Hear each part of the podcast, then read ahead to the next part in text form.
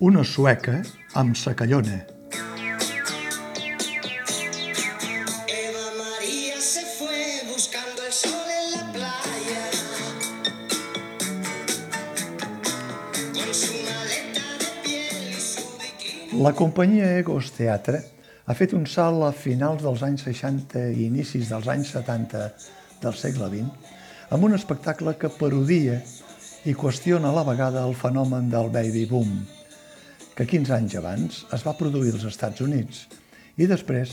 es va estendre fins a la seca i la meca com una taca d'oli. Amb una estètica del cinema, la moda, els costums i els hàbits de la descoberta del turisme i l'explotació de la costa catalana, sobretot l'anomenada Costa Brava, se situen en un càmping lliure a prop de Tossa de Mar, on se celebra un dels festivals de la cançó de l'època i ho amaneix amb una trama de comèdia kitsch del temps anomenat del Destape, que va envair el cinema amb pit i cuixa d'erotisme com a filosofia de la vida. Una comèdia, sí, però sense portes ni finestres, només amb una tenda de campanya amb tancament de cremallera, matalassos inflables, caixes d'envasos de Coca-Cola i un escampall de torretes amb plantes diverses que, acompanyades d'unes grans estores de gespa artificial, creen l'ambient buscar d'acampada.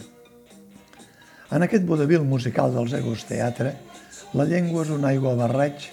de català de socarrel amb castellà estrangeritzat i la música veu de les fonts de l'estil lleuger i carrincló de l'època. I hi ha, sobretot, moltes banyes repartides a tort i a dret. Una sueca que es fa el suec, mai més ben dit, i els espectadors ja sabran per què. Un ministre d'Assumptes Inferiors que presideix el concurso estatal de canción ligera pròpia de la dictadura en colors, una concursant amant del ministre que guanya per enxufe, la dona del ministre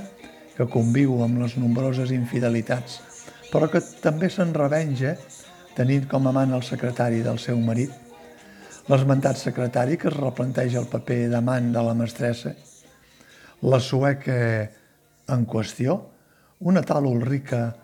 amb d'ells de català prepirinenc, que a més de fer-se el suec, com deia, vol espiar el ministre i la seva amant en acte d'infidelitat per canviar el veredicte del concurs, i un guardabosc malferit misteriosament, manc i amb una cama quixotesca,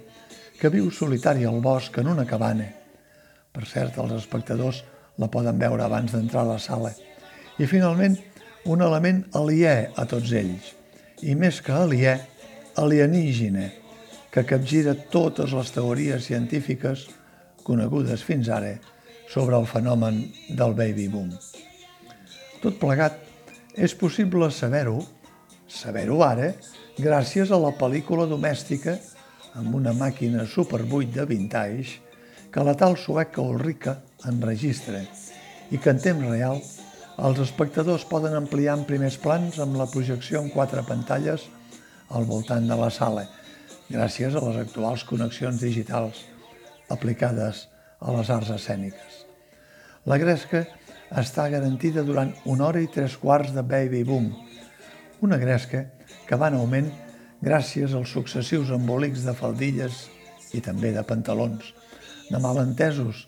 i de situacions que acaronen l'esperpent, que és un dels orígens de la companyia Ghost Teatre i que tenen els millors moments, és clar, en les intervencions cantades, ja sigui en solitari o corals, excel·lents, Anna Alborg, Rubén Montanyà o Toni Sans, els tres veterans de la companyia,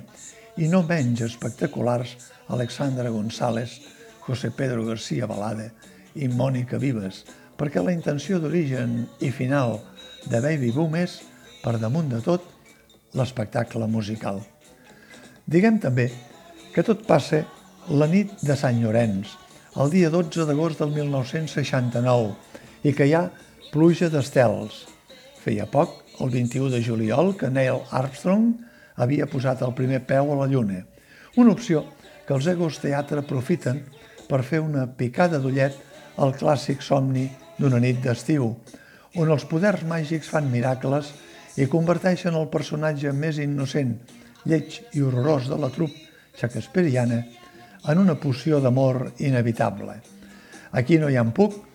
i no hi ha les fades, però ja hem dit que hi ha un pòtol buscater i un alienígena trempat, dos personatges que, ben barrejats i sacsejats com un còctel, a vegades ben encauxotats en disfresses de pantera rosa o de diversos colors i sempre amb cua llarga, acaben creant una comèdia amb tocs surrealistes, eròtics primaris i una comèdia eminentment delirant que es veu millor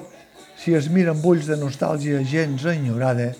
d'un temps i d'un país que ha quedat enrere per sempre.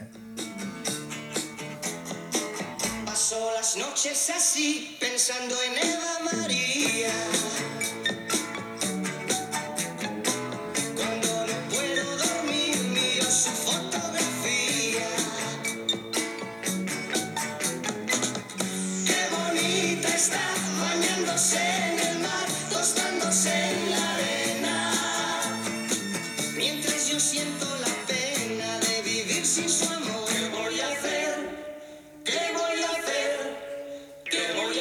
share my mind. my